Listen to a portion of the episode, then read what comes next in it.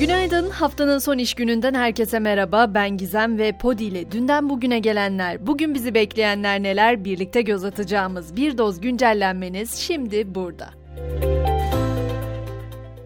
İlk ve en önemli konu ulusal kan stoklarının asgari seviyenin altına düştüğünü açıklayan Kızılay'ın kan bağışı çağrısı. Özellikle son dönemde bir takım skandallarla adı anılsa da kan tek kaynağı insan olan yaşamsal bir ilaç ve bu konuda başvurulan yegane kurum da orası. Kan bekleyen hastaların mağduriyet yaşamaması için tüm vatandaşlar kan bağışına davet edilmiş durumda. Yakın zamanda kan bağışına çokça ihtiyacın olduğu yerde şüphesiz deprem bölgesiydi. Manevi kayıpların tarifi yok, telafisi yok ama maddi kaybın bilançosu açıklandı. Çevre Bakanı Murat Kurum depremin yarattığı maddi zararın yaklaşık olarak 100 milyar dolar olduğunu söyledi. Cumhurbaşkanlığı Strateji ve Bütçe Başkanlığı'nın raporuna göre ise deprem bölgesinden ayrılan kişi sayısı 3,3 milyon. Yaklaşık 2 milyon kişi ise bölgede kurulan çadır ve konteyner kentlerde barınıyor. Dün itibarıyla 42 bin konutunsa temelinin atıldığı belirtiliyor.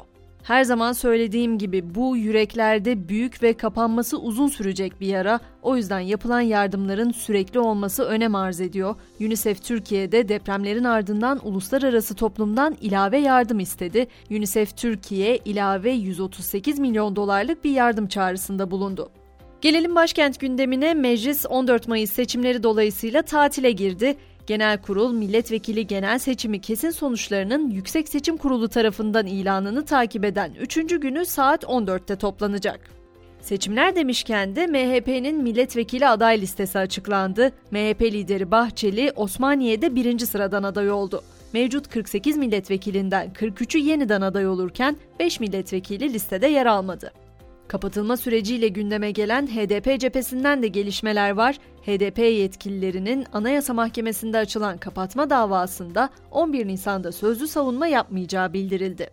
Dün özellikle sosyal medyada gündem olan stickerlardan da kısaca söz edeyim istiyorum. Bir grup insan marketlerde pahalı bulduğu ürünlere üzerinde Cumhurbaşkanı Erdoğan ve MHP lideri Bahçeli'nin fotoğrafı olan etiketler yapıştırdı. O etiketlerde bu ürün size pahalı mı geldi? Erdoğan sayesinde yazdığı görüldü.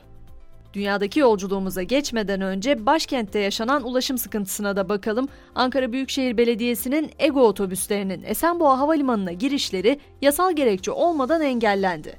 Vatandaşlar valizleriyle yüzlerce metreyi yürümek zorunda kaldı. Gece saatlerinin sıcak haberi ise İsrail cephesinden geldi. İsrail ordusu Lübnan'dan atılan bir dizi roketin ardından iki aydır toplanmayan güvenlik kabinesini toplamıştı. O toplantıdan iki saat sonra da abluka altındaki Gazze'ye saldırı başlatıldı. İsrail savaş uçakları Gazze'de bazı hedeflere bir dizi hava saldırıları düzenlerken Gazze'den de çok sayıda roket atıldı.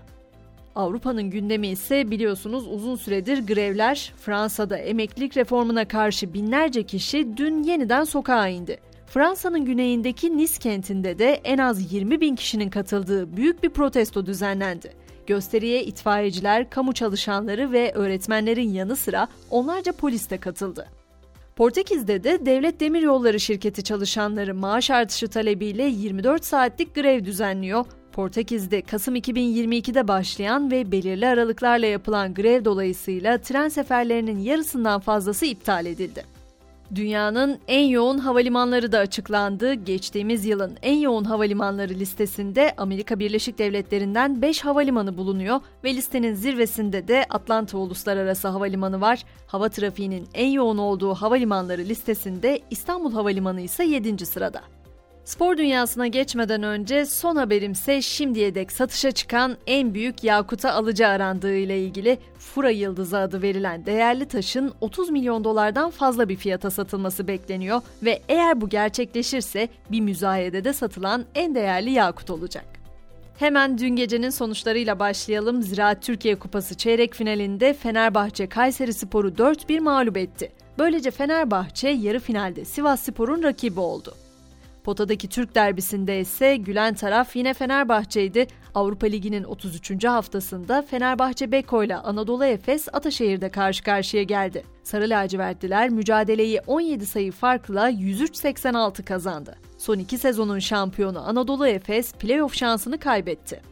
Son olaraksa Türkiye Euro 2028 ve 2032'ye ev sahipliği yapmak için resmen aday oldu. Adaylık için hazırlanan dosya 12 Nisan'da Futbol Federasyonu tarafından UEFA'ya sunulacak. Ve güncellenin sonunda bu sabahki mottomuz Aristoteles'in bizi biraz derin düşüncelere bırakacak bir sözü olsun istedim. Gerçekte bütün insanlar paylaştırıcı adaletin bir tür saygınlığa dayanması gerektiğini kabul ederler. Fakat saygınlığın ne olduğunu herkes anlamış değildir. Akşam 18'de tekrar görüşünceye kadar şimdilik hoşçakalın.